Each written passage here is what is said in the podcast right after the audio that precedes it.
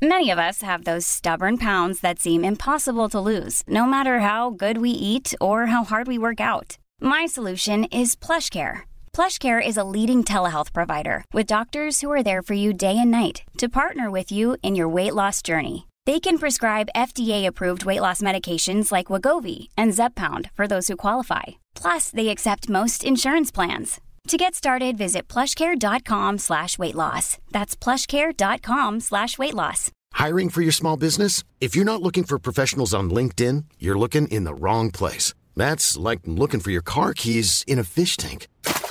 LinkedIn helps you hire professionals you can't find anywhere else, even those who aren't actively searching for a new job but might be open to the perfect role. In a given month, over 70% of LinkedIn users don't even visit other leading job sites. So start looking in the right place. With LinkedIn, you can hire professionals like a professional. Post your free job on linkedin.com slash people today. Hey, it's Ryan Reynolds, and I'm here with Keith, co-star of my upcoming film, If, only in theaters May 17th. Do you want to tell people the big news? All right, I'll do it. Sign up now and you'll get unlimited for $15 a month in six months of Paramount Plus Essential Plan on us. Mintmobile.com slash switch. Upfront payment of $45 equivalent to $15 per month. Unlimited over 40 gigabytes per month. Face lower speeds. Videos at 480p. Active Mint customers by 531.24 get six months of Paramount Plus Essential Plan. Auto renews after six months. Offer ends May 31st, 2024. Separate Paramount Plus registration required. Terms and conditions apply if rated PG. Julia Norinder är chef för HR och kommunikation på Sida. Hon har nyligen kommit ut med boken Värderingsbaserat ledarskap om mening, tillit och transformation.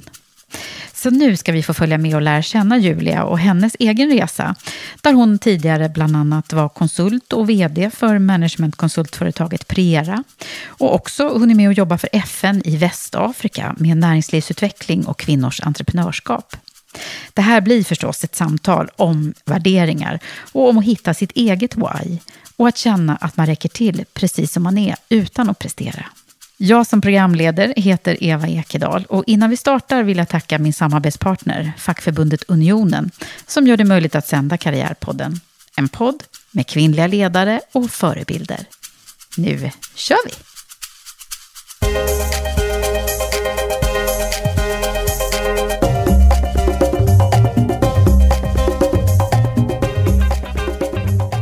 Välkommen till Karriärpodden Julia Norinder. Tack, vad roligt att vara här. Nu är du hos mig och det är så himla kul därför att eh, när vi fick kontakt så började jag titta förstås på din, din bakgrund. Ja. Och tänkte så här, gud vi måste ju ha träffats förr. Men det hade vi inte. Men man hade kunnat tro det, för en period i ditt CV går väldigt så här, parallellt med mitt CV faktiskt. När vi Verkligen. båda var vd på managementkonsultbolag kan man väl säga på olika håll som eh, eh, eh, samarbetade de här bolagen faktiskt en del. Ja, Men vilken otur att vi inte träffades, känner Ja. jag nu så här i efterhand. Då visste jag ju Verkligen. inte att den möjligheten fanns. Jag kanske hade stannat lite längre om jag hade vetat det. Ja men gud, vi hade ju kunnat göra stordåd Ja, jag. men precis. Och jag hann ju sluta, om jag förstår det hela rätt, precis när du började. Ja, det måste ha varit så. Ja. Ja. Ja. Men nu har, får vi chansen och jag tänker att det är någon mening med att du är här nu. Och att, du, sent att vi fick aldrig. kontakt. Och sen har du dessutom alldeles nyligen, den är så färsk så att den nästan ryker från tryckeriet, va? Eh, skrivit en bok som jag också blev så här, gud, den här människan måste jag ju ha med här i podden. För boken heter nämligen Värderingsbaserat ledarskap. Eh, och det heter ju en av våra moduler i eh, vårt ledarprogram. Connection. Ja, så det var många grejer. Men nu är du här och jag vet ju egentligen inte så mycket mer än det om din bakgrund. Och det vet kanske inte alla andra heller som lyssnar. Så att hittas Ja, med eh, var hur... ska jag börja Ja? Är det liksom det där är ju eh, alltid lite barndom, spännande. eller är det jobb? Vad vill du ha, Eva? Ja, men Göteborgs... eh, Ja. Är, det, är det från början du är? Är du född där? eller? Ja, jag är född och uppvuxen i Göteborg. Ja. Men det hör man inte så. Nej, lite grann tror jag.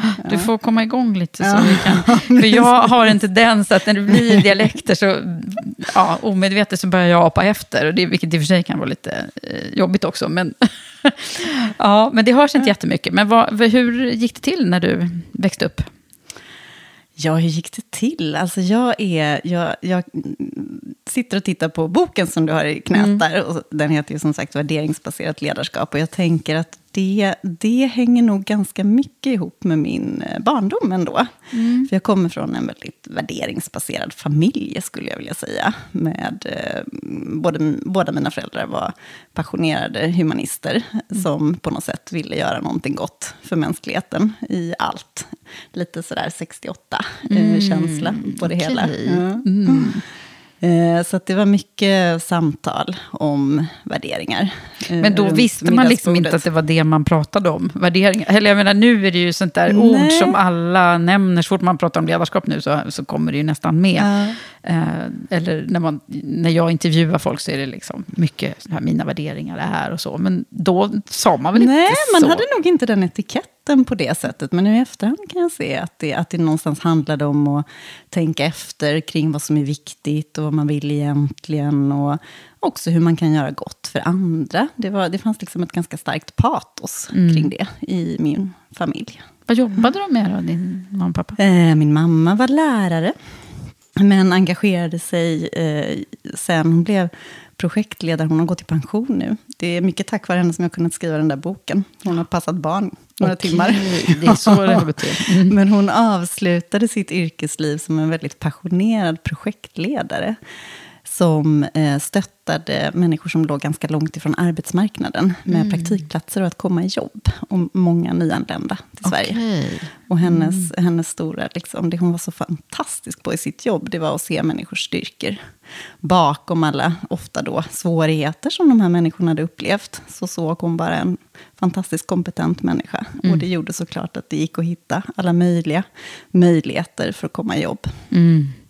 Så där kan man ana då lite gener som har gått. Ja, men lite så. Och min pappa, han, var, han, var, han lever inte längre tyvärr, men han var eh, tandläkare i botten. Men också, han var otroligt engagerad i funktionsnedsattas eh, möjligheter till tandvård och orofacial utveckling. Eh, och liksom drev det i Sverige väldigt mm. sådär passionerat. Mm. Gjorde jättemycket för de grupperna. Okay. Så två eldsjälar kan man säga. Ja. Mm. Och då blev det en eldsjäl av dig också. Har du syskon? Ja, men lite så. Jag har två syskon. Mm. Och vart är du i syskonskaran? Jag är äldst. Typisk okay. stora syster på alla sätt, kan man säga. Mm. Mm. På gott och ont. Alltså, nu måste jag snart ta upp den här statistiken igen. Som... I början så var det nämligen så att jag, jag undrade över hur många stora systrar egentligen jag skulle sitta här och prata med. Mm. Eh, så då började jag föra lite statistik. Eh, och det visade sig att det var påfallande många. Men för sig, det, det vet vi ju att, att både stora bröder och stora systrar är är vanligt förekommande i ledaryrken generellt sett. Men... Vi blir ju väldigt präglade, tänker mm. jag, av vår roll i syskonskaran. Så är det ju bara. Mm. Och, och verkligen hur, på gott och ont. Och hur jag. var du då? Nej, men, men ansvarstagande, tänker jag. Och det är klart att det är också lätt lättare om man är äldst att få ta ledarskap mm. i, i familjen och i syskonskaran. Så ja, man får ju liksom mandatet. Fördel, man får mandatet väldigt lätt. Ja, mm. precis. Och, och, min bror, eh, som i och för sig är en, en väldigt stark person också, som ingen sätter sig på, han var sex år yngre. Så där hade jag ju ett rejält försprång, kan man säga. Ah. Så det hade ju stora eh, fördelar på det sättet, men samtidigt också nackdelar tänker du har säkert träffat andra stora systrar också mm. som har hamnat mycket i det här med duktig flicka och ja. mycket prestation och så. Blev det mm. så med dig? Så blev det, mm. definitivt. Väldigt förutsägbart. Ja. ja. Eh, men det är ju härligt. Jag har haft Birgitta Olsson här som också har skrivit en bok Just som heter det. Duktiga flickors revansch. Och mm. Den tycker jag också är lite så här, ja men det är väl mm. bra att det finns så mycket mm. duktiga flickor. Så att vi inte liksom ska, vi måste omfamna dem där också. Ja, mm. ja men precis. Eller hur? Ja, samtidigt som vi behöver vara lite snälla mot dem, tänker ja, jag. De hur? som vi har i oss själva i alla fall. Exakt, men vad hände med din duktiga flicka? Du, du, hur, hur tänkte du kring din egen karriärutveckling? Nej, men jag tänker redan, eh, alltså det blev tidigt lite för viktigt för mig att prestera. Jag var liksom duktig på att vara stora syster och jag var duktig i skolan och det här klassiska. Och, och sen tror jag att det delvis också hängde ihop med, jag fick faktiskt väldigt svår akne när jag var i tonåren. Mm. Och från att ha varit liksom en söt tjej mm. så blev jag en ganska ful tjej. Och då blev det ännu viktigare, eller ja, du förstår, jag upplevde det så. Aha. Men då blev det ännu viktigare att hitta min identitet i att vara duktig och i att prestera. Ah, du liksom flydde dit då? Ja, det, det, blev, det blev för viktigt helt enkelt. Eh, och det präglade mig. Det tog ganska lång tid sen. Att, det tycker jag verkligen att jag har gjort idag. Men det var en resa att liksom hitta tillbaka till vad vill jag i mig själv? Och hur kan jag vara det fullt ut? Och inte prestera för andras skull eller vara duktig för andras skull. När blev du medveten om det där? Jag tror att jag blev... Alltså, någonstans så fanns det väl en medvetenhet redan på, på gymnasiet och sådär. Jag ska säga att nu låter det som att det var väldigt ensidigt. Jag, jag var samtidigt också väldigt social och gjorde massa andra saker också. Men i, identiteten låg mycket i den där prestationen. Och någonstans så fanns det nog en reflektion ganska tidigt kring att det inte var enbart bra. Men man blir ju också väldigt belönad i skolan om man presterar. Så jag tror att det var först när jag började komma ut i yrkeslivet som jag insåg att, att det också fanns liksom tydliga baksidor av det där. Och då började efter ett par år en, en resa som handlade om att hitta tillbaka till någonting annat. En bredare identitet. Ja, okej. Och hur gick det till då? Vi går direkt på det här, tycker jag. Alltså jag fick nog ta en omväg eh, faktiskt genom... Eh, det var en tid då jag fokuserade alldeles för mycket på jobbet. Då det trots att jag liksom hade börjat få de här tankarna kring att det där inte var helt sunt, ändå hamnade i att jag jobbade alldeles för mycket. Till och med så, det var inte så, jag har inte, jag har inte haft någon utmattningsdepression eller sådär. Men jag hamnade i att det var inte så mycket annat i livet som var viktigt längre. Och det var inte så mycket annat som jag prioriterade längre. Jag började helt enkelt prioritera bort allt socialt. och Inte allt, men väldigt mycket. Under en period fungerade det. För jag fick jättemycket ut av jobbet. Och tyckte att det var väldigt roligt. Men sen så började ju baksidorna komma krypande. Blev mer och mer av tunnelseende och en känsla till slut av någon slags likgiltighet. När livet blev för enkelspårigt. Och hur gammal var du då när du liksom var vaknade upp? Då? 30 plus, någonstans där. Eh, 33 kanske, eller någonting sånt där.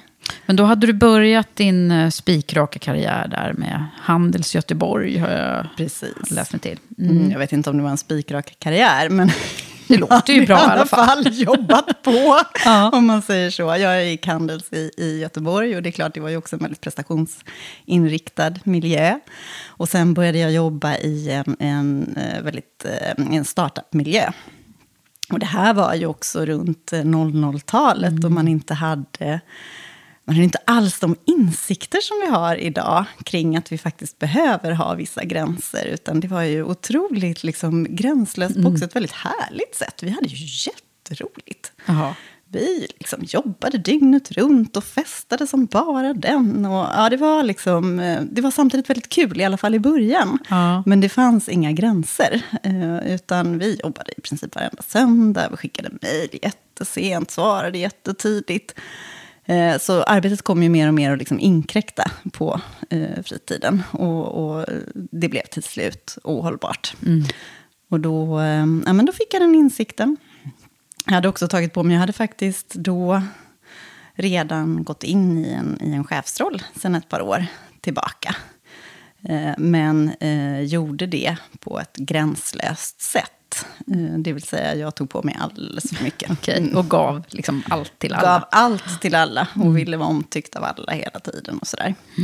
Och där någonstans efter ett par år så blev det ohållbart. Och då eh, bestämde jag mig för att ta tag i det ordentligt och började faktiskt jobba med en, en terapeut som var inriktad på stressrelaterade frågor i arbetslivet. Eh, Och eh, ja, men var jättebra. Så du tog hjälp där då på en gång? Jag tog hjälp där, absolut. Så himla bra. Det är ju, Ja. det, ibland så kan det gå lite liksom för långt innan Ja. man själv inser det där. Det hade nog kunnat göra det i mitt fall, men jag, jag liksom fattade i tid att nej, men nu börjar det här bli tråkigt. Nu får jag ta tag i det. Och då hittade jag fram till en jättebra person och vi började jobba. Sen har det ju varit en lång resa, för det har ju både handlat om att kunna sätta gränser eh, liksom i det yttre. Men det har ju också handlat om att liksom landa i mig själv ordentligt och utmana en del mm. prestationsbaserade ideal och automatiska tankar och utmana min inre kritiker och sådana här saker. Det tar ju tid. Mm. Och nu har du fått liksom också gå igenom allt det här nu när du har skrivit ja. boken, eller hur? Ja, jag kan tänka mig att det är nästan lite terapeutiskt att göra det också.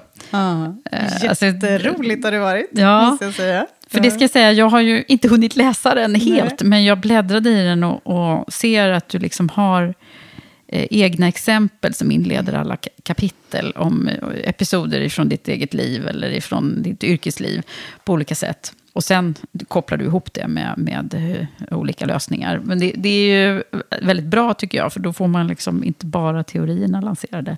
Och jag kan ju förstå då att, uh, att du har fått chansen att blicka tillbaka på ditt yrkesliv alldeles nyligen. Liksom. Verkligen. Ja. Det är ju faktiskt så till och med att det är en...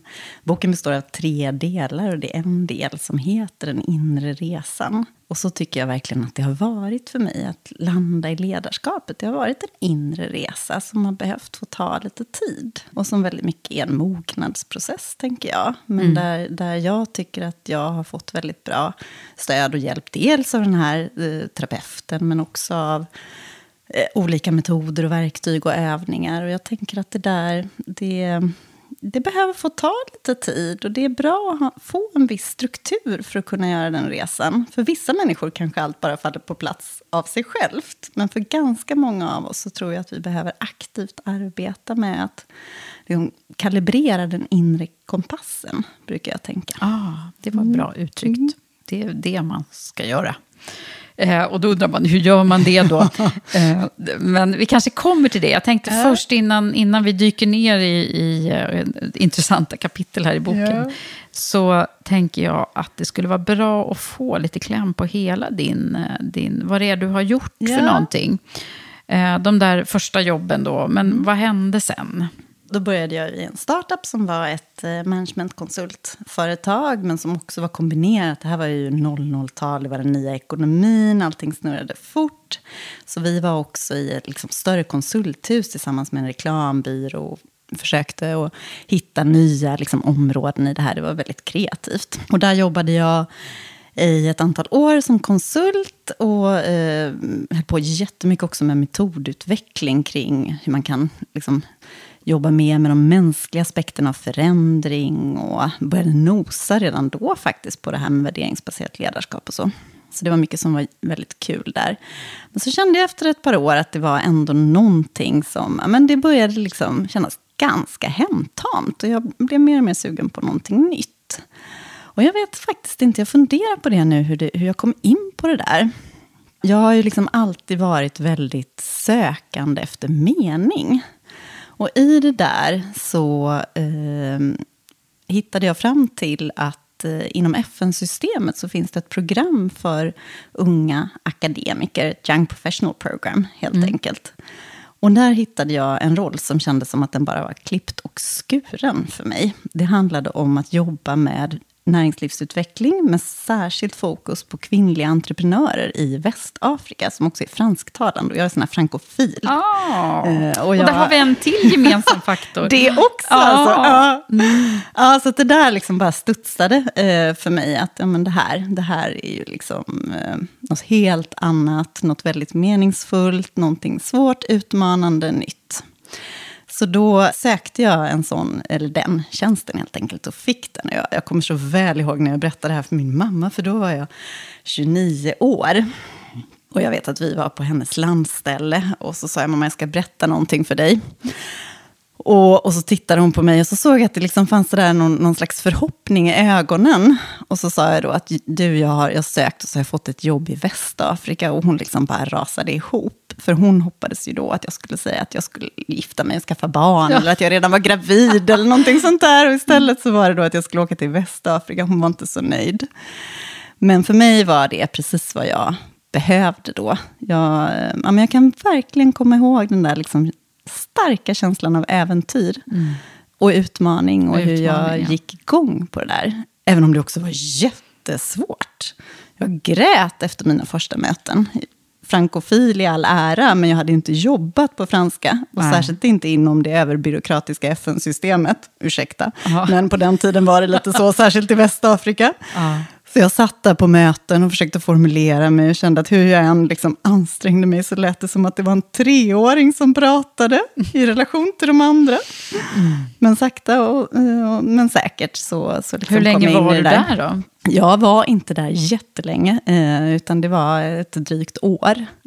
Men ändå en Eh, men, erfarenhet eh, som ja, du ja, nu det var en sitter och pratar om. Så att säga. Jag lärde mig otroligt mycket Ja. och, och mötte ju liksom helt fantastiska människor.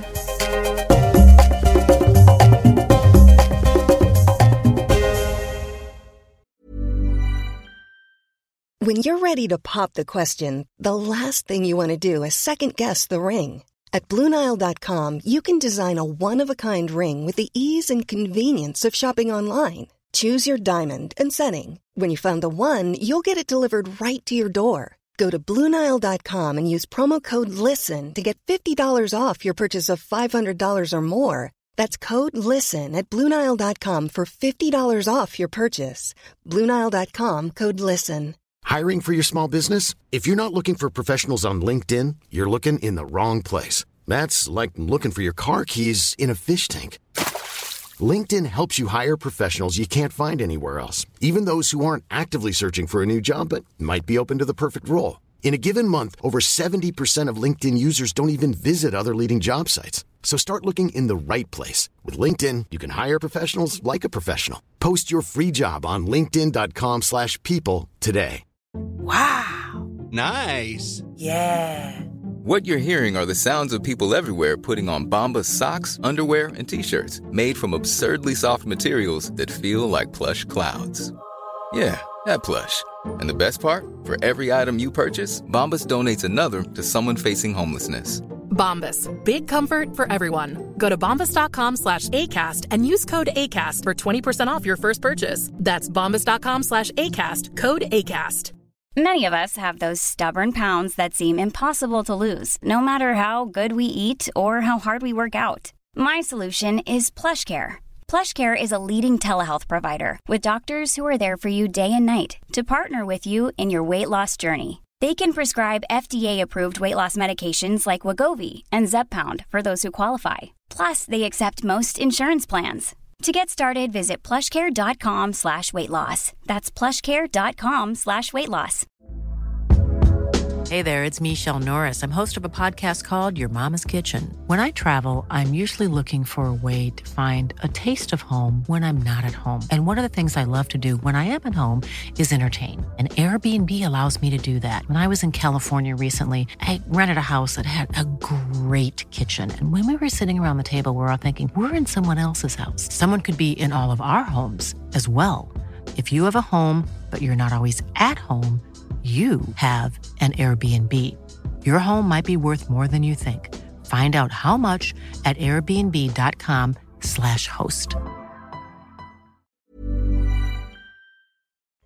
Vad hände när du kom hem då? Ja, nej, och det var ju det som hände sen. Att dels så det här programmet som jag jobbade i, det skulle läggas ner och det var liksom lite sådär otydligt eh, vad som skulle vara nästa steg. Och då passade också mitt tidigare företag på att eh, liksom locka hem mig genom att erbjuda mig att bli chef för verksamheten. Och då kunde jag inte riktigt liksom säga nej till det, trots att jag egentligen, jag har aldrig drömt om att bli chef. Snarare tvärtom. När jag gick på Handels i Göteborg så var det ju lite så att man skulle vilja bli chef. Och jag hade nästan ett instinktivt motstånd mot det där. Men när det handlade om en verksamhet som jag liksom tyckte så mycket om och brann för och såg så mycket utvecklingspotential och fick möjlighet att kliva in i en roll där jag kunde påverka liksom på en annan nivå, Ja. så var det jättesvårt att tacka nej. Då kände jag mig otroligt lockad av det. Men hur, hur kommer det sig att du, in, att du inte hade den där naturliga längtan av att bli eh, ledare då? Vet inte riktigt. Jag vet inte om det bara var ett instinktivt motstånd mot att alla skulle vilja det. Just det, du vill någonting annat, lite ja, men det kanske sådär. faktiskt Ja. bara var så om jag ska, om jag ska liksom rannsaka mig själv lite. Men det hade i alla fall inte varit en dröm. Men, men när det där konkreta tillfället kom så kände, yes, här är en möjlighet att påverka, den vill jag ta. Ja. Mm. Så då flyttade jag hem för att ta det jobbet helt enkelt. Just det. Och det var på Prera då, Det var på Prera, Mm. precis, exakt. som konsultbolaget hette, som, vi borde ha träffats på då kan man säga. Exakt, det var Eh, några år Ja, men innan. du var ju där väldigt många år. Ja, det var jag. Precis. Så det måste ha varit ganska rätt det där beslutet ändå då. Ja, men det tror jag att det var. Mm. Det tror jag att det var. Eh, Det var, det var väldigt utvecklande. Det var också ganska svårt. Och det fanns situationer, inte minst finanskrisen där 2008-2009. Då, då önskade jag att jag satt på en annan stol några gånger, ska jag säga. Men eh, jag lärde mig jättemycket och jobbade med fantastiskt duktiga människor. Och eh, ja, utvecklades väldigt Ja. mycket. Mm. Och under den här perioden så eh, var det också så att du blev korad till att vara med på Framtidens kvinnliga ledarlista. Några gånger. Precis. Den här eh, som ledarna gör då, eh, och har gjort i många, många år. Jag har ju haft jättemånga som har varit med på listan här i, det. i Karriärpodden. Ja, vad- berätta, vad var du på för placering? Jag var på andra plats vid två olika tillfällen. Nej, vadå tvåa två gånger? Tvåa två gånger. Ja. Men det faktum var att det var liksom aldrig något som, som ens liksom störde mig, att jag inte var på första plats. Så jag var så otroligt glad och hedrad över att vara på den där andra platsen. Jaha, men vad då? Är det inte lite sådär att man tänker? Kanske. Nästa gång alltså inte, Första gången så tänkte jag inte så alls, utan då var jag som sagt bara väldigt, väldigt smickrad. Jag kommer så väl ihåg när jag kom hem sen till mina medarbetare, för de var verkligen ja, men helt fantastiska. Så det, var, det, var, det var mycket också ett uttryck för, jag tror att det var många av dem som hade nominerat mig. Så det var väldigt mycket ett uttryck för deras uppskattning och att, att de såg att jag hade liksom lagt ner väldigt mycket kärlek och omtanke i eh, arbetet, också i relation till dem. Och andra gången så var det lite speciellt. För då, eh, då hade jag varit med på en sån här fotografering och allting eh, som man gör innan, men visste inte vilken plats det skulle bli. Och så var jag faktiskt gravid då. Och sen, eh, ja, när det var dags för den här galan, då var jag på förlossningen. Några månader för tidigt. Åh. Och efter också en, en eh, ja, moderkakan lossnade och det var väldigt dramatiskt alltihopa. Så att då var liksom det sista jag tänkte på.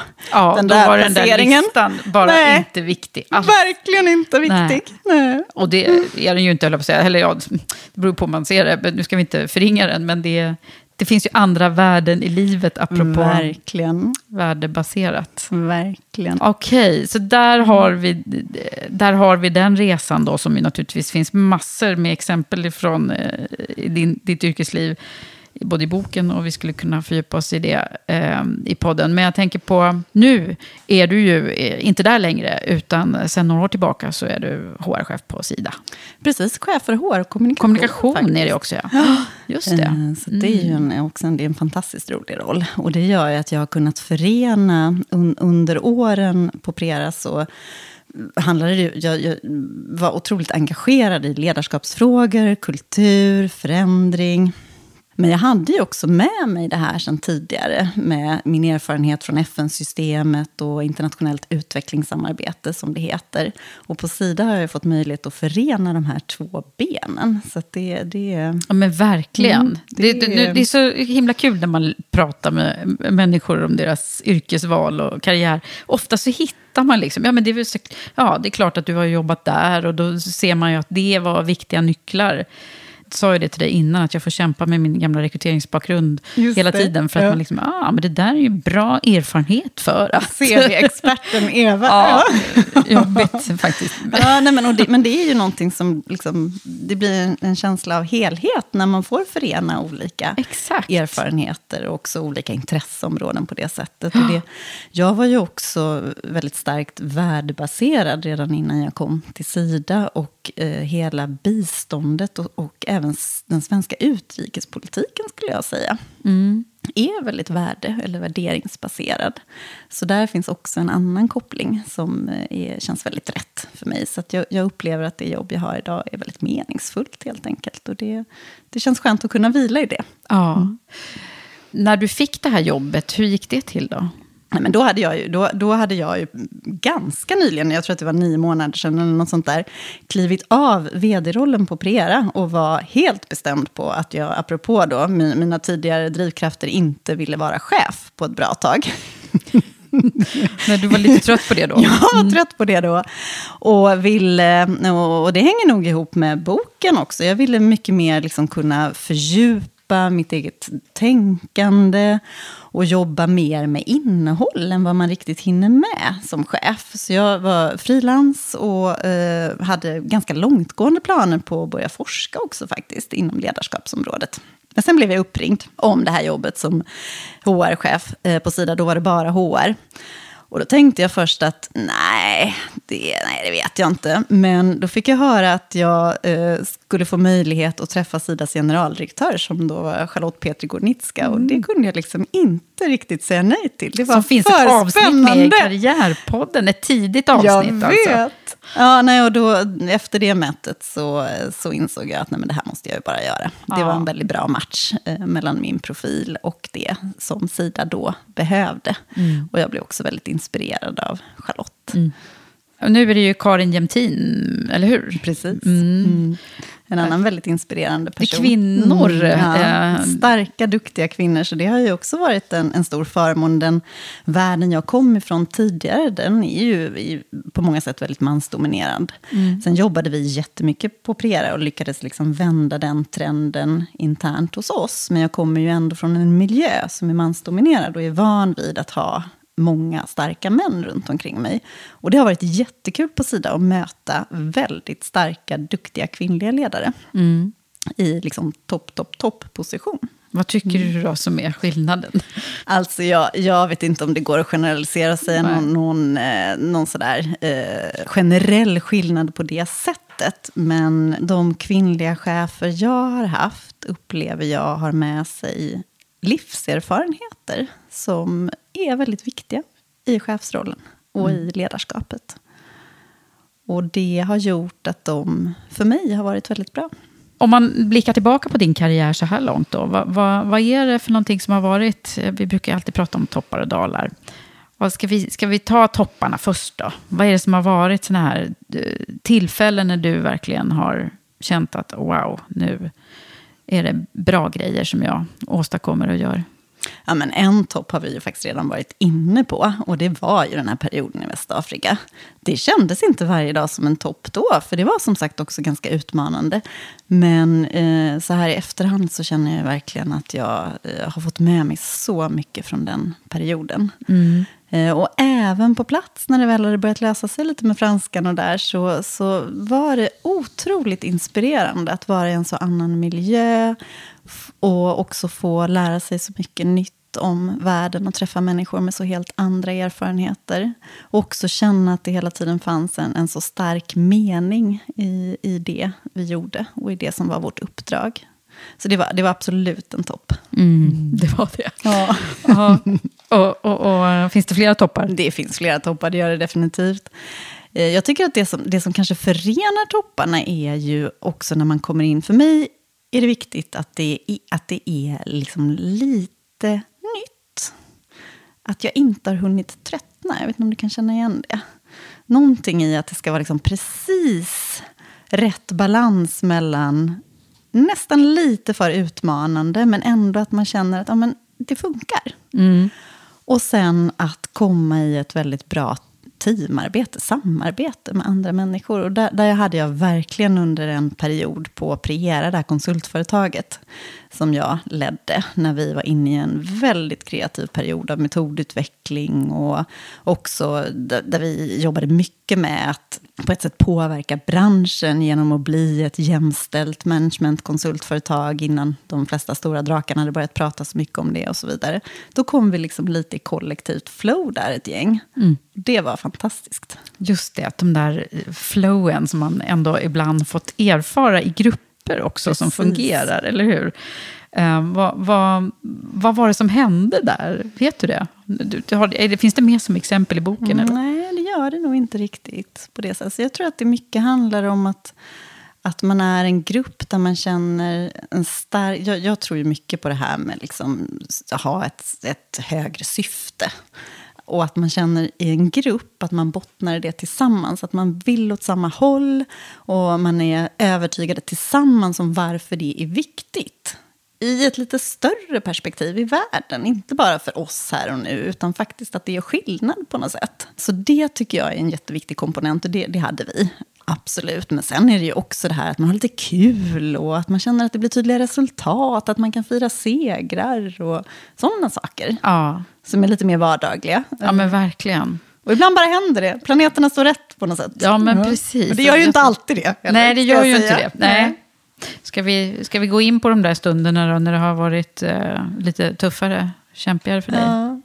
Du var ju, tangerade ju lite där i början på din Absolut. karriär. Eh, Ja, och det var, ju, det var ju inte bara i början på min karriär, utan eh, det var ju också då när jag hade varit eh, på Prera var jag konsultchef under en period och sen blev jag vd. Och ett par år in, om det var två år eller något sånt där, in i konsultchefsrollen. Det var då jag började liksom nästan tendera, eller närma mig den här berömda väggen. Eh, För att jag inte lyckades helt enkelt avgränsa och prioritera, utan jag ville vara allt för alla. Och jobbade, liksom, hade alldeles för många direktrapporterande medarbetare samtidigt som jag hade alldeles för mycket kunduppdrag och skulle liksom göra allting hela tiden. Eh, och det var, en, ja, men det var definitivt en dal. Jag blev inte bra för andra, jag blev inte bra för mig själv. Ehm, och jag, blev, jag var liksom varken bra på jobbet eller i privatlivet ja, det var då du tog hjälp, eller? Det var då jag tog hjälp. Och innan dess så, så upplevde jag att jag fick ganska mycket tunnelseende. Ville, jag har alltid varit, annars i mitt ledarskap, väldigt tillitsbaserad och samskapande. Men jag upplever att i den där tunneln så kom det fram andra sidor. Jag blev driven mycket mer av mina rädslor än av min vilja att göra någonting gott.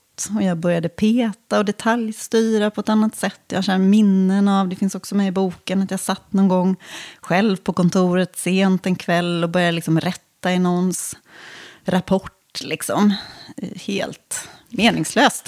Helt fel bara. Ja, ja. Men då, då hamnade du i det. Du kunde liksom inte Nej, jag kunde inte lyfta blicken längre. Jag, det, plötsligt så var det liksom bara en kamp mot klockan och en rädsla för att misslyckas som drev allting. Och det tog inte fram några fina sidor hos mig. Var det någon som sa åt dig eller kom du på det själv? Ja, jag tror det. Jag tror att jag fick signaler. Och eh, sen insåg jag också själv att, jag liksom, att, ing, att ingenting var roligt längre. Det var, det var den starkaste signalen. Att jag inte hade någon lust längre. Att jag inte trodde på något längre. Och då tog jag som sagt tag i det. Var du sjukskriven också? Nej, eller? det var jag inte. Det, det gick som sagt, jag, jag tror att jag ändå fångade upp det här ganska tidigt. Eh, och- Du kände liksom igång. av det i, i, i, i den tiden, så så innan det liksom går överstyr? Ja, men precis. Och kanske också för att jag redan innan hade jobbat en del med min inre kompass och vad jag tror på och så vidare. Så kunde jag ganska liksom, tydligt ändå känna där att nej, men nu lever inte jag som jag lär längre. Det här är någonting annat. Så här vill inte jag vara. Nu dyker jag ner i din bok här. Eh, öppnar nämligen en Spännande. sida som jag Ja. tycker är väldigt bra. Där det är en modell som, eh, som du har eh, delvis uppfunnit själv. Mhm. Eh, Som, jag vet inte, har den något namn eller? Nej, Modellen? det, jag, jag beskriver den som min modell för det värderingsbaserade ledarskapet. Ja. Eh. Så då tänker jag, nu kör vi det här. Mm, För att det kan vara så att man kan ha lite glädje av det här, tänker jag. Just i de här Ja, sammanhangen kul. som du just eh, berättar om också. För då, då står Och det... jag blir så glad, Eva, när du säger att man kan ha nytta av det. För det, Ja. är så här, det är min dröm att någon ska kunna ha någon nytta av den här boken. Ja. Det vet man inte riktigt när man sitter och skriver. Nej, men jag tror man behöver sätta det lite i kontext också. Ja. Men, men du skriver ju här, det värderingsbaserade ledarskapet är meningsskapande, transformativt och tillitsfullt. Det var många fina ord på Va- en gång. ja, precis. Så nu får du... Precis. Nej, men, och, Förklara. och undertiteln till boken är ju faktiskt också mening, tillit och transformation. Jag har funderat på det här ja, men, jättemånga år och jobbat med också värderingsbaserat ledarskap i praktiken i många år. Och sen när jag satte mig då under min senaste föräldraledighet för att börja skriva så var det som att det liksom lite föll på plats. Och då så blev de här, de här nyckelorden liksom nästan bara kom till mig. Mening, tillit och transformation. Och mening, det handlar mycket om det vi har pratat om nu. Det vill säga att kalibrera sin inre kompass. Att bli klar över, ja, men vad är egentligen mitt syfte? Vad är det jag vill bidra till? Vad är mitt varför? Och koppla det till ett antal grundvärderingar. Vad är egentligen viktigt för mig? Och hur kan jag omsätta det i ett sätt att vara och leva i min vardag. För när man har funderat lite mer på djupet över det där så blir det ju också så mycket lättare att göra det jag inte alls lyckades med i början av min karriär. Till exempel sätta gräns, prioritera och vara tydlig med eh, det som är viktigt.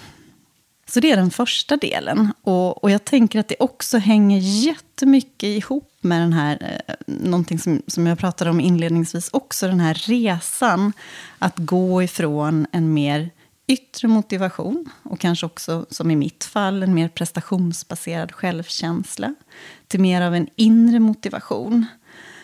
För om man blir klar över sitt varför och sina värderingar så kan man mycket mer liksom hela tiden falla tillbaka till det. Och tappa liksom lite det här med vad alla andra tycker hela tiden. Och då blir inte prestationen det viktiga. Utan då blir det istället viktigt att göra någonting väldigt bra. För att skapa någonting som är viktigt för andra. Och det, det liksom sätter igång helt mm. andra processer. Upplever jag, i alla fall för mig. Mm. Jag blir helt enkelt mycket bättre när jag inte funderar på om jag är bra eller inte. det hämmar mig så mycket när den tanken finns där. Då känner jag så lätt att nej, men jag duger inte riktigt till och det är inte tillräckligt bra och så vidare. Bort med det bara. Mm. och sätta det, det här? i ett, ett annat, liksom en större, ett större sammanhang. Exakt så. Mm. Exakt så. Så det är, den, det är det första benet och det är där någonstans det måste börja. Det är den här inre resan. Mm. Jag, jag, tycker också att det handlar, eller för mig har det också mycket handlat om en känslomässig mognad. Att bli liksom lite mer medveten om sina egna känslomässiga reaktioner. Det är en sak att vilja vara värderingsbaserad. Men i vardagen, i alla fall för mig, om jag känner mig stressad och pressad. Ja, men lite som i det här exemplet när jag satt där och petade i en rapport. Mm. ville ju vara värderingsbaserad då också, men det var inte längre några fina värderingar som drev mig, utan det var väldigt mycket mina rädslor. Mm. Och, och, att hitta fram till hur man istället, när de där rädslorna kommer, kan se det. Och liksom medvetet reflektera kring vad kan jag göra utan att låta dem styra för mycket. Mm. Det tänker jag också är en nyckel. Och det behöver ju inte bara vara rädslor, utan det kan ju vara andra känslor som sköljer över oss. Och som kan hindra oss om vi inte har liksom en medveten reflektion och en förmåga att reglera. Att vara på det sätt som vi vill vara i mm. vardagen. Mm. Så självkännedom och känslomässig mognad eller reglering är två väldigt viktiga liksom, nycklar, nycklar mm. i det där också. Nästa del, eller nästa nyckelord, som är tillit det är ju på ett sätt ganska självförklarande. Det handlar mycket om relationerna till de som vi har i vår närhet, vårt närmaste team. Såklart handlar det också om att ha en tillit till sig själv. Mm, har vi inte verkligen. det så är det ju jättesvårt att känna tillit. Men det är andra. så härligt med, jag eh, skrev en liten uh, grej på sociala medier här i, i helgen om tillit. Att det, är så, det är så bra ord ju. Eftersom det symboliserar sig så bra, eftersom det är palindrom, att det Exakt. kommer från två håll. Liksom. Två håll. Mm. och det är ju samma med sig själv. Alltså man kan ju vända tillit både till alltså att, man, att man, det man ger, det får man tillbaka, men också till sig själv. Precis, och där måste det ju börja. Och på det sättet hänger det väldigt mycket ihop med den inre kompassen och den inre resan. Mm. Men sen är ju på något sätt nästa steg att använda det där i relation till andra. Och då, då tänker jag att det handlar mycket om att välja, att ha tillit, att gå in i sitt ledarskap med en grundläggande positiv människosyn. Tro gott, helt enkelt. Mm. Om sina medmänniskor och medarbetare som utgångspunkt. Och sen också arbeta aktivt med att bygga ett klimat som liksom är en grogrund för tillitsfulla relationer. Det är ju väldigt mycket på ropet nu, det här med psykologisk trygghet. Mm. Men det ligger så mycket i det. Mm. Hur kan vi skapa arenor, ytor, där vi faktiskt vågar prata om det som är viktigt på riktigt? Mm. Lägga det på bordet, på mötet, istället för det klassiska vid kaffeautomaten. Mm. Hur kan vi i hierarkier ha den typen av ärliga och öppna samtal.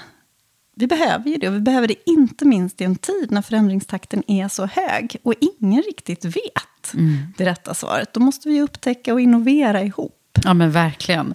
Och jag, jag tänker så här, jag vet inte om jag lever i någon filterbubbla. Det gör jag nog också. Det gör vi faktiskt. ju alla. Men Ja. vi, vi pratar ju väldigt, väldigt mycket om transparens och, och öppenhet Mm. nu i, i grupper. Det har man kanske gjort i all grupputvecklingssammanhang, eh, sammanhang, att det är väldigt viktigt. Men jag tycker det, det är extra mycket nu. Och, eh, Brené Brown, som jag vet att du också gillar, eh, och som du skriver om. Hon är ju verkligen eh, också det här med att vi ska våga visa vilka vi är. Eh, i, Våga visa liksom sårbarhet. Ja, men öppenhet precis. genom det. Mm. Och det gör ju vi jättemycket om i våra... Det är precis så vi... Du kanske blir lärobok här Ja. i, vem vet? Eh, För att det, vi jobbar ju precis Ja. så här i våra Ja. program. Okej, och sen är det ett nyckelord till. Och det är transformation.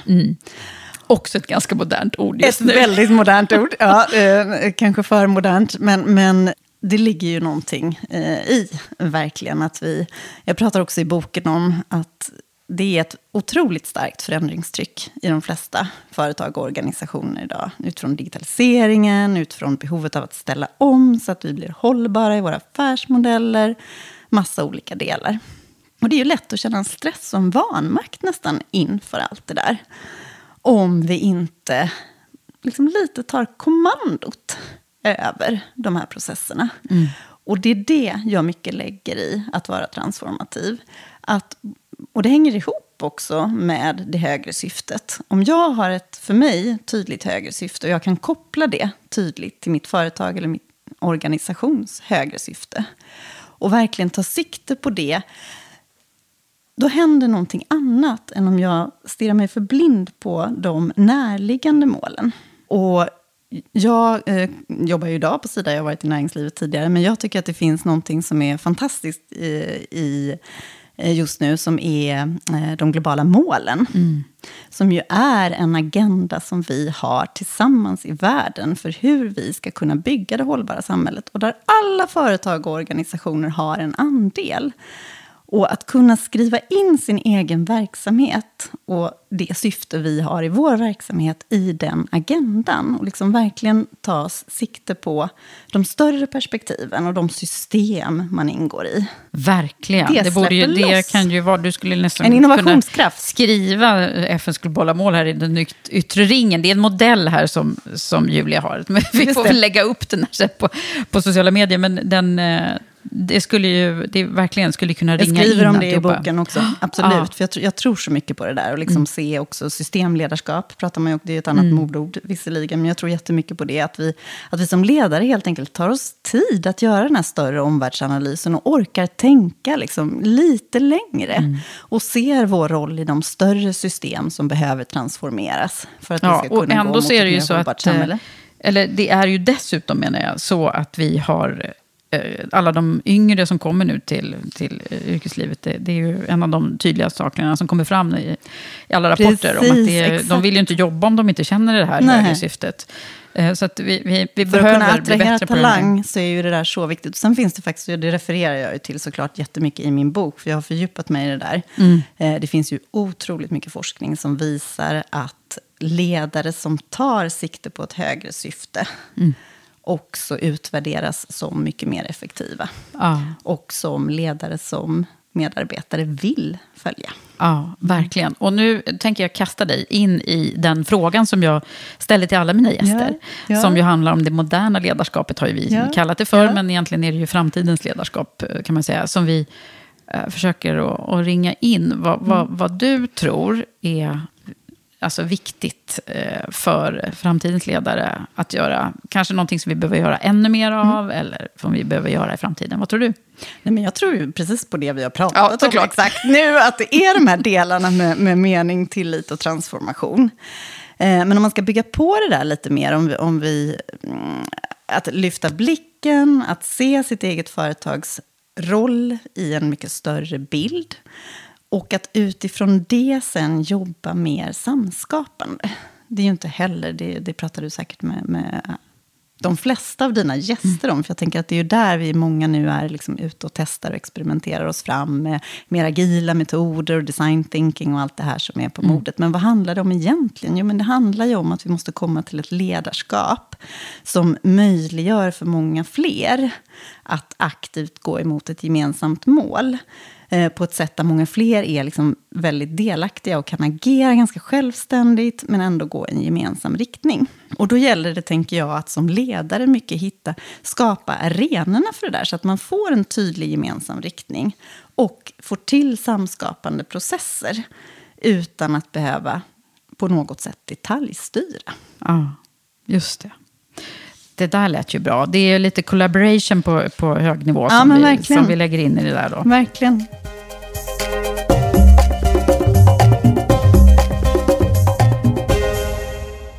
Jag tänker på det här med, ehm, tillbaka till ditt eget ledarskap då. Vad, vad är det som tror du har präglat dig och ditt eget? Alltså du var ju ändå på topplistorna och så här.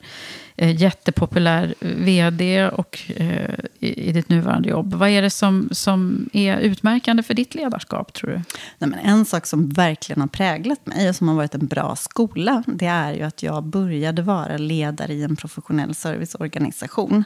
Där alla, är, eh, där alla medarbetarna var väldigt självständiga. Och där mycket makt egentligen låg hos medarbetarna som hade väldigt starka kundrelationer och drog in massa uppdrag och så vidare.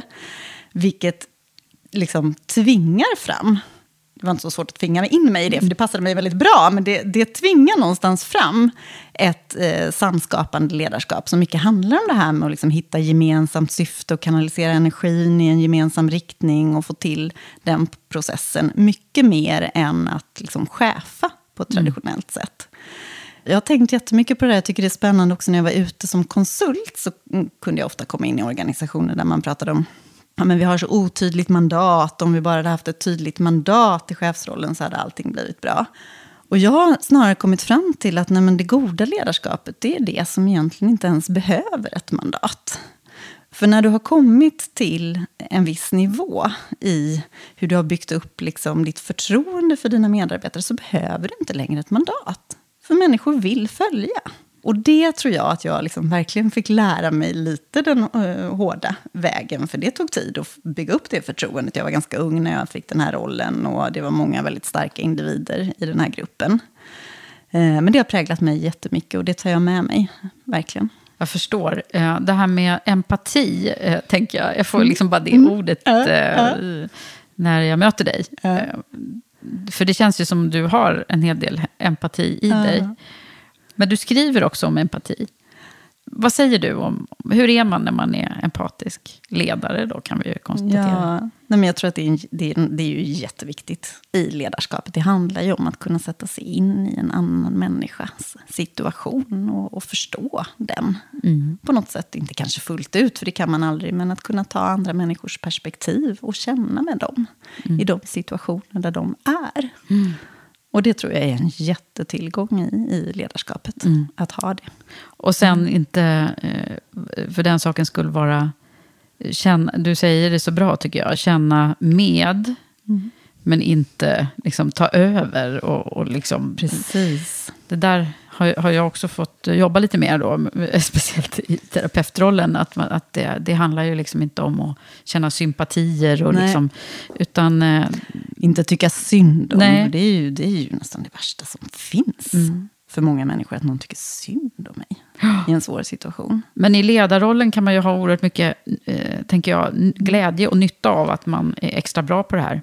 Ja men verkligen. Eh, att känna, liksom, försöka sätta sig in i andra människors, hur, hur de känner och hur de eh, agerar och mår. Verkligen. Och det, det tror jag, apropå liksom, framtidens ledarskap, så tror jag att det där blir bara viktigare Vi lägger och till viktigare. det också. När vi, ja, men vi, I alla fall i liksom alla kunskapsorganisationer där människor är så otroligt välutbildade, så handlar ledarskapet blir ju väldigt mycket coachande. Ja. Eh, Och där är ju empatin en jättetillgång. Ja.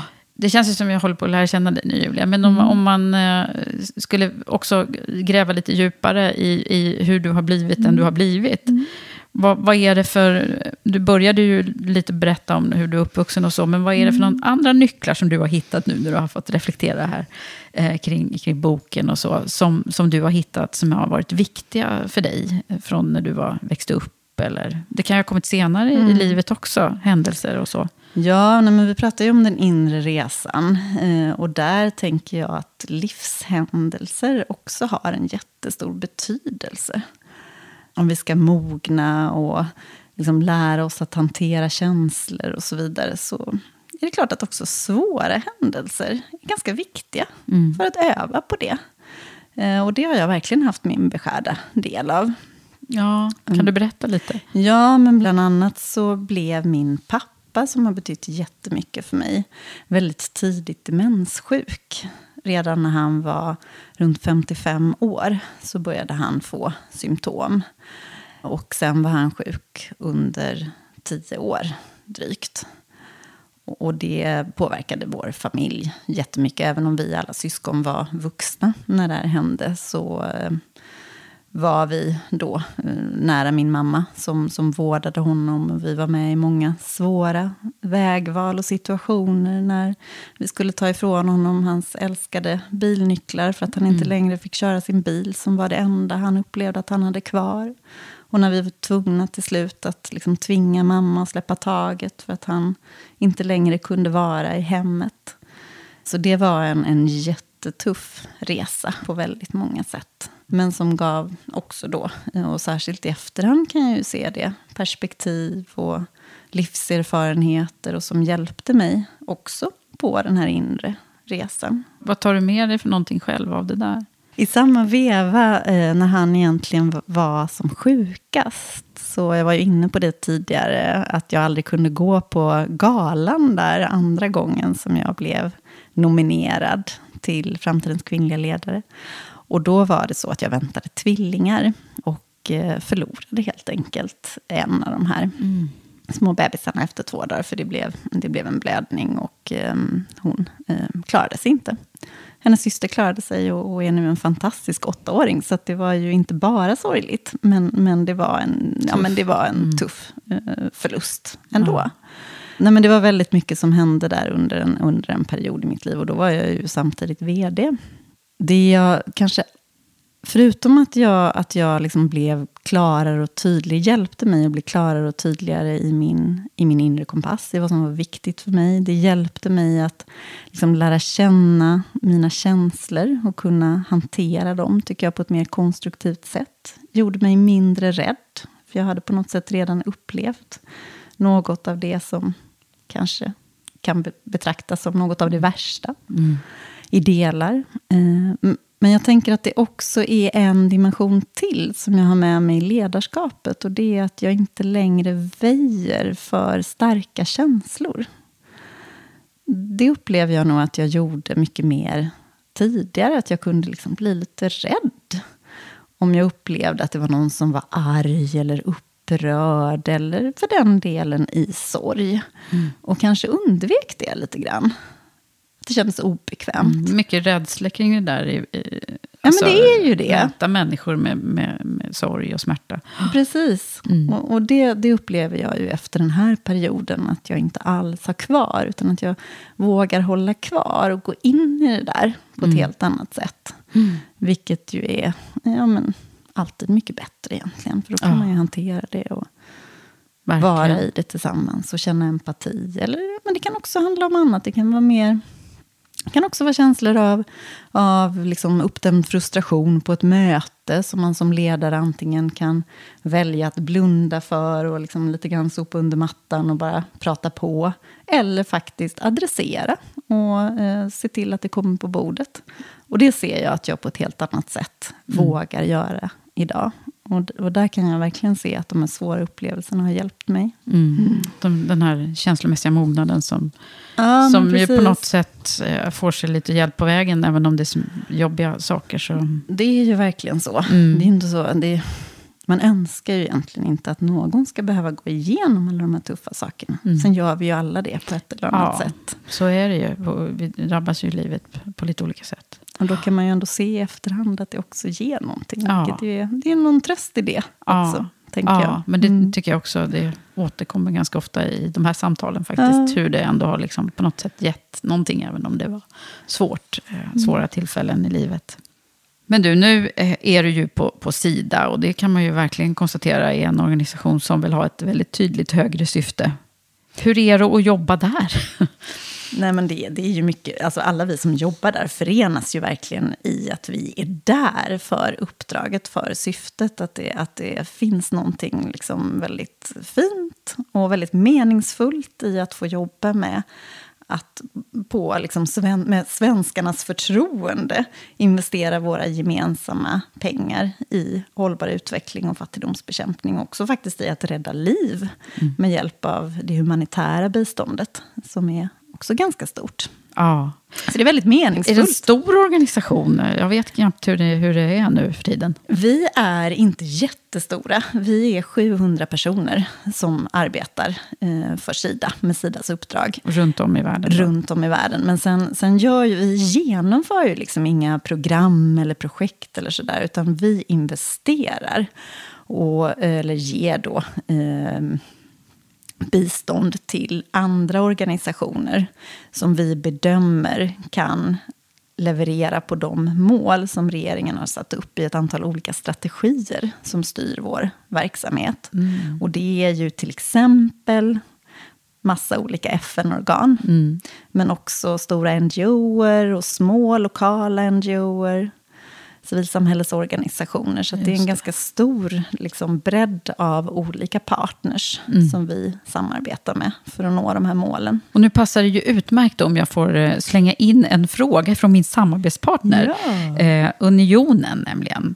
Eh, som eh, har skrivit en specialfråga till dig. Mm. Och den lyder så här.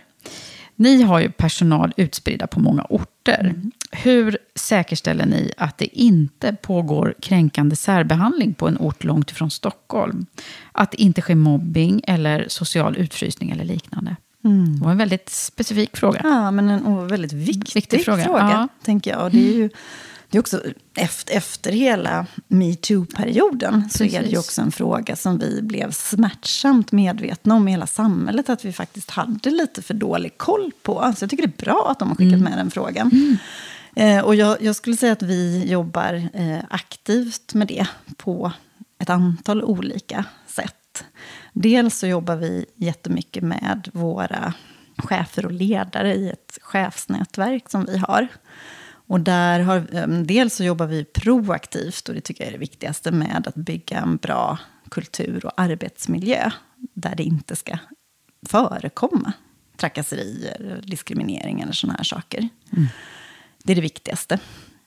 Men eh, sen har vi också ett system för, eh, som är ganska rigoröst för hur man ska kunna anmäla om det trots allt ändå är så att det förekommer någonting. Och mm. då har vi förstås total nolltolerans och agerar väldigt snabbt. Ja, Okej, okay. tror du att det här är skillnad från uh, andra organisationer eller privata näringslivet?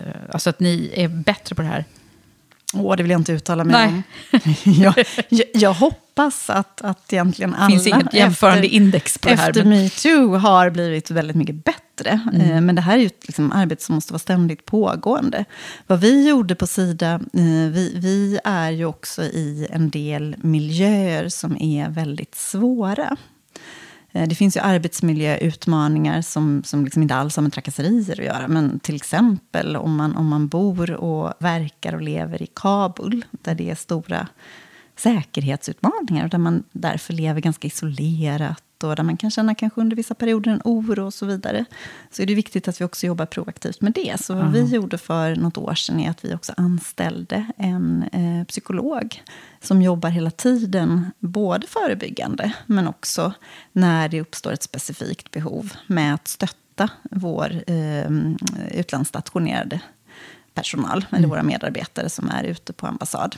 Det var ju klokt. Det trodde man nästan så kanske att ni redan hade, men det, det, var ju väldigt bra. Sen samarbetar vi också, ska säga, väldigt mm. mycket med UD. För det är faktiskt så här att de eh, ambassaderna är egna myndigheter. Så att, eh, och de ligger direkt under UD. Ja, så vi stöttar bara, det är egentligen UD som har det här ansvaret. Men ja. vi är väldigt angelägna om att stötta eh, hela tiden. Du, eh, och sen så har vi kommit till det när jag tycker att vi ska ringa in lite grann ja. kring ja. hela vårt samtal. Det blir inte ja. så lätt här med en hel bok också i knät som mycket att fortsätta prata om. Men, eh, men eh, jag tänker utifrån dina lärdomar, dina mm. personliga, liksom, eh, vad, vad är det du har fått med dig genom livet som mm. du så här, koka det... ner det till tre tips. Ja, men det vi har pratat om jättemycket hela tiden här nu. Mm. Ta dig tid att kalibrera din inre kompass. Mm. Det är ingenting som kommer att ske av sig självt. Du måste ge dig tiden att tänka igenom ditt varför, vad som är viktigt för dig, hur du kan hitta fram till ditt sätt att sätta gränser och hur du kan landa i en känslomässig mognad som gör det möjligt att leva som du lär. Mm. Och det andra är, sätt din inre kompass i verket. Se till att du är i ett företag eller en organisation där du kan leva som du lär, där du kan använda dig av dina värderingar och där du känner att du får utlopp på något sätt för ditt syfte.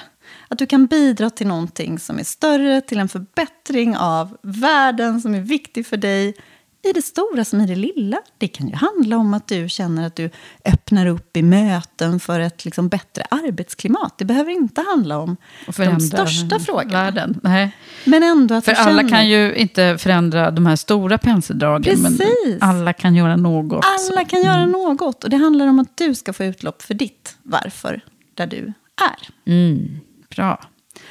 Och sen tänker jag att den tredje den är mer kopplad till de människor man har runt omkring sig.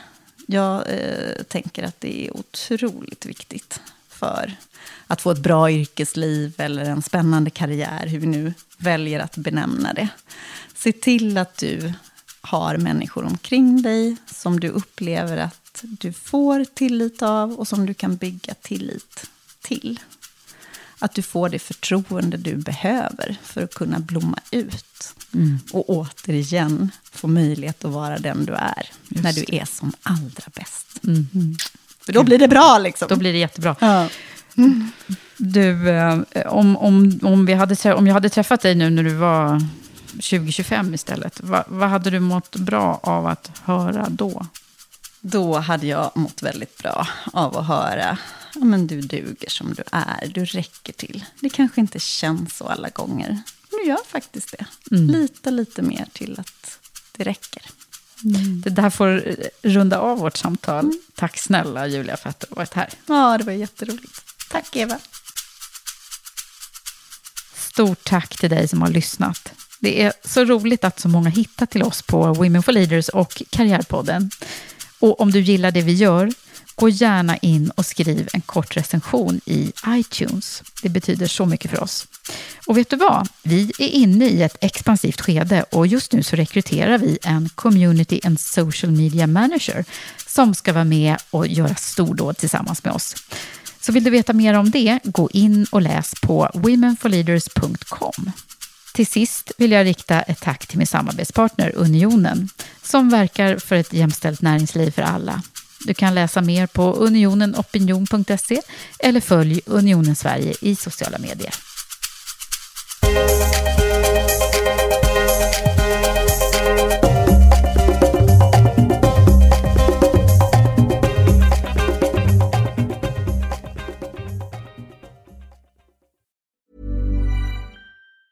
Hi, I'm Daniel, founder of Pretty Litter. Did you know cats tend to hide symptoms of sickness and pain? I learned this the hard way after losing my cat, Gingy. So I created Pretty Litter, a health monitoring litter that helps detect early signs of illness by changing colors, saving you money and potentially your cat's life. Pretty Litter is veterinarian developed, and it's the easiest way to keep tabs on your fur baby's health right at home. Go to prettylitter.com and use code ACAST for 20% off your first order and a free cat toy. Terms and conditions apply. See site for details. Hey, it's Paige DeSorbo from Giggly Squad. High quality fashion without the price tag? Say hello to Quince. I'm snagging high end essentials like cozy cashmere sweaters, sleek leather jackets, fine jewelry, and so much more. With Quince being 50 to 80% less than similar brands and they partner with factories that prioritize safe ethical and responsible manufacturing i love that luxury quality within reach. Go to quince.com slash style to get free shipping and 365 day returns on your next order. quince.com slash style